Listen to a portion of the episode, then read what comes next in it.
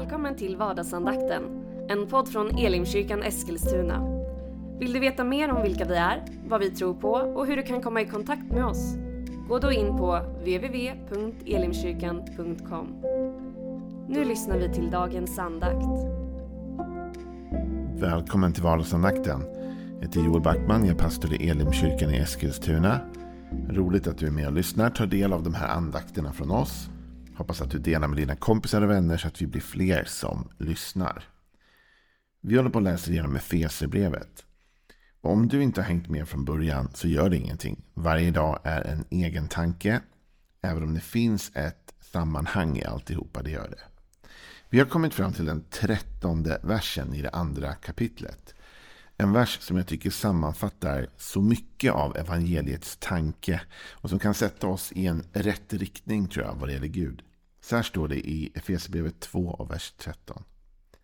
Men nu, tack vare Kristus Jesus, har ni som en gång var långt borta kommit nära genom Kristi blod.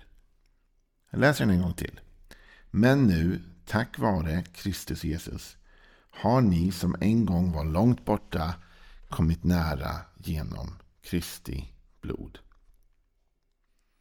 Kristus kom för att återskapa relationen med Gud. Och för att brygga det här gapet som hade blivit. Alltså människan och Gud levde ju i harmoni med varandra i skapelsen. Där Gud skapade människan till sin avbild och blåste in livsande i henne. Och Adam och Eva och Gud levde i harmoni och i gemenskap med varandra. Sen känner du till berättelsen om hur människan vänder sig bort ifrån Gud och går emot Gud och hans bud. Och synden kommer in i världen, ondskan får makt och herravälde på många sätt och det uppstår ett tydligt gap mellan människa och Gud. Genom hela gamla testamentet försöker sen människan genom olika lagbud och regler att liksom överbrygga detta, men det går aldrig riktigt. Och människan klarar inte av att leva upp till den ribba som hon behöver. Och så kommer Jesus och dör i ditt och mitt ställe. En ställföreträdande död där han tar vår synd, skuld och skam, allt annat och tar det på sig och dör i vårt ställe. Syndens lön är döden och Jesus betalade priset för det. För att du och jag skulle kunna komma närmare Gud. Och detta behöver vi ha med oss i vår tanke om Gud. Att Jesus har som mål att föra människor tillbaka till Gud igen. In i den relationen som vi är skapta för att leva i. Och som vi mår som bäst att vara i. Och som också öppnar för evigheten med Gud. Ändå så har det alltid satts upp hinder på vägen till Gud. Och tyvärr får vi väl erkänna att ibland har de hindren även satts av kyrkan och av de troende. Men Jesus kom för att göra vägen öppen. När du och jag förstår det här, då tror jag att vi börjar leva ett annat liv i vår relation med Gud. Och inte minst som församlingar. Därför om vi lever med insikten att Jesus kom för att föra det som var långt borta närmre. Ja, men då kräver det något av oss som församling. Att vi lever med en väg öppen till Gud. Att vi inte sätter upp hinder för människor. Utan att vi gör det så enkelt som möjligt för att komma till Jesus. För att då är vi liksom lärjungar till Jesus. För han kom för att dra det som var långt borta nära. Det finns ju många bibelberättelser om det här. Jesus talar om det förlorade fåret som herden går ut och hämtar tillbaka och så vidare. Men i Jesus fick vi som var långt borta komma nära.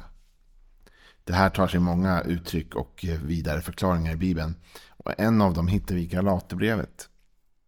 I Galaterbrevet 3 och 26 framåt så skriver Paulus här. Alla är ni nämligen genom tron Guds söner i Kristus Jesus.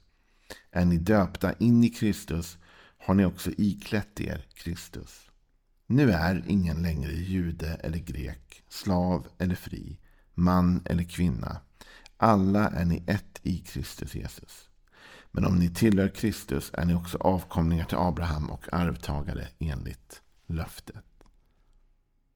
Det är radikala ord som Paulus kommer med här när han talar om att ingen längre är jude eller grek, slav eller fri man eller kvinna. Utan alla har nu blivit ett i och genom Jesus Kristus. Det här var ju saker som skilde människor åt. Judarna såklart som Guds utvalda folk. Grekerna som var liksom hedningarna och stod utanför Guds löften och Guds förbund. Slaven och den som var fri. Mannen och kvinnan. På den här tiden när Paulus skriver det här brevet så var det här saker som liksom stod avlägset från varandra. Det var inte bredvid varandra så att säga. Det var inte på samma nivå. Men i Kristus så händer någonting och de här dras tillsammans. Avståndet tas bort. Skiljelinjen bryts ner och vi blir ett i Kristus. Det är viktigt att tänka på det gäller församlingen. Att församlingen ska vara en plats där sådana här skiljelinjer bryts ner och plockas bort. I kyrkan ska vi inte längre liksom vara uppdelade i olika grupper eller olika eh, ja, platser och sådär. Utan vi ska tillhöra en gemenskap. Vi är ett i Kristus. Genom hans blod. Så kommer de som förut var långt borta. För när man ser den här uppräkningen så är det några som var nära och några som var långt borta. Judarna, det var ju Guds utvalda folk. De var nära Gud. Slaven, det är ju en position av att vara bunden och den som är fri, ja, den kan ju gå vart den vill. Mannen, han hade rättigheter, det hade inte kvinnan. Men i Kristus så blir det jämn spelplan och alla förs till en enhet. Alla förs till samma punkt och det är Jesus. Det här fortsätter Bibeln att tala ganska mycket om och i Hebreerbrevet så står det så här i det sjätte kapitlet och vers 19. Detta hopp är vår själs ankare. Det är tryggt och säkert och når innanför förhänget dit Jesus öppnade vägen för oss då han blev överste präst för evigt, en sådan som Melkisedek. Det här förhänget, det hängde ju i templet och det hängde ju som en avskiljning mellan det heliga och det allra heligaste. Och in i det allra heligaste, dit fick ju bara prästen gå en gång per år. Och eh, då var det massa rutiner kring det också. Men det var verkligen bara för någon enskild person som fick komma in dit. Och där inne var Guds närvaro, och där var Gud. Men när Jesus kommer så öppnar han vägen för oss, säger Paulus. För oss alla. Genom att han dör. Och vi vet att i berättelsen om Jesu korsfästelse så står det att när Jesus har ropat ut och när han överlämnar sig till Gud så bryts det här förlåten som var ett stort tjockt tyg som hängde där. Det bryts isär på mitten och vägen öppnas. Det här är ju symboliskt också, men det talar om att Jesus öppnade vägen till Gud igen för alla. Det var inte vi själva som rev ner förhänget. Det var inte vi som hittade en väg igenom det. Utan Gud själv river sönder det och öppnar vägen in.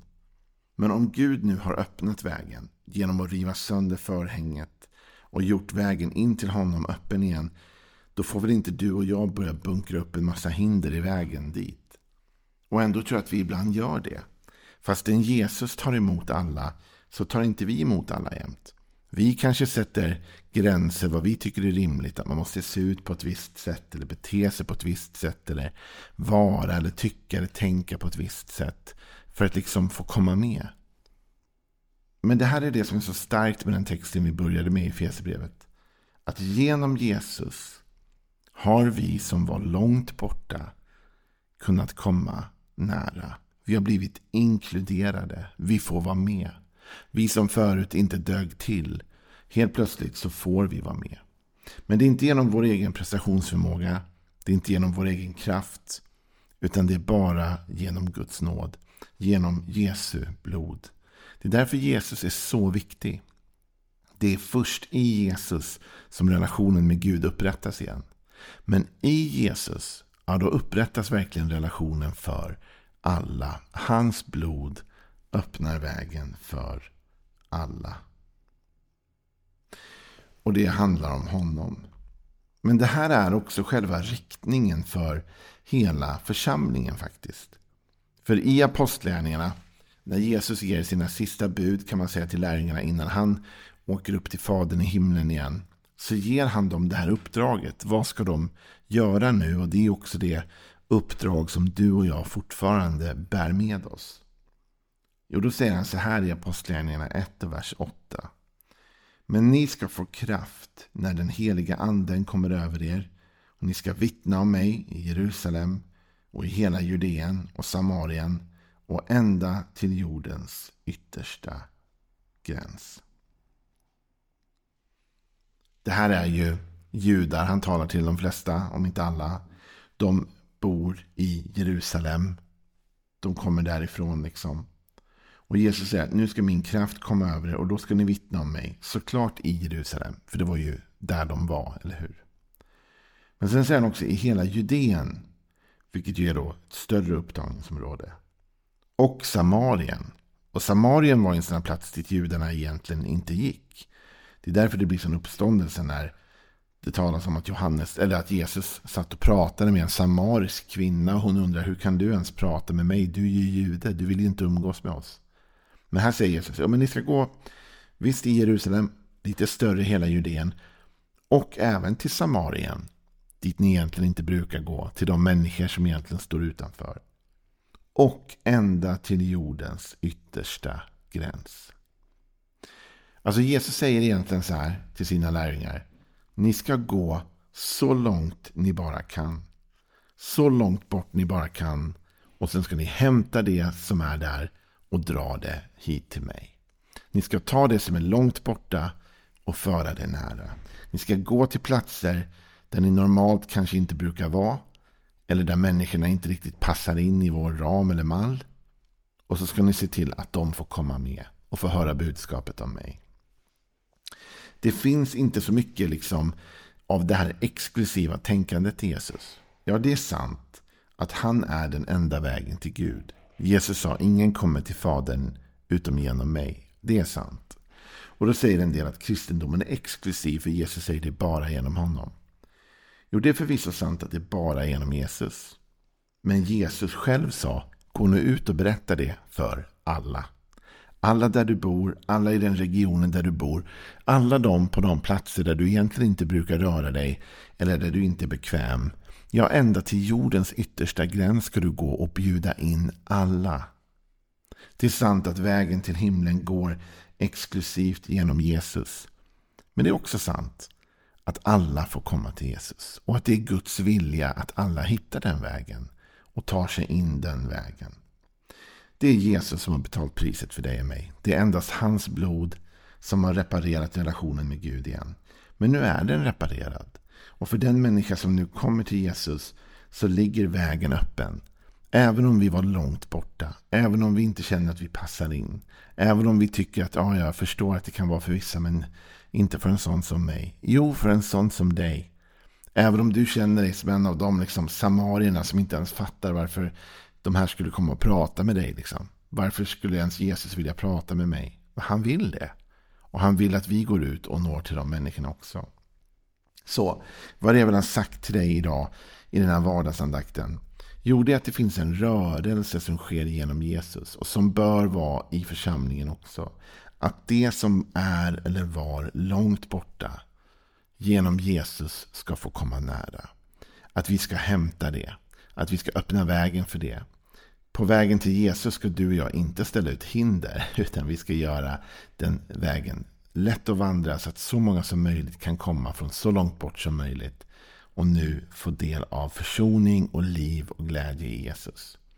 Var med och bygg en sån kyrka. Vilken kyrka du än tillhör. Se till att det är en kyrka där de som är långt borta nu får komma nära. Där vi suddar ut skiljelinjer mellan människor.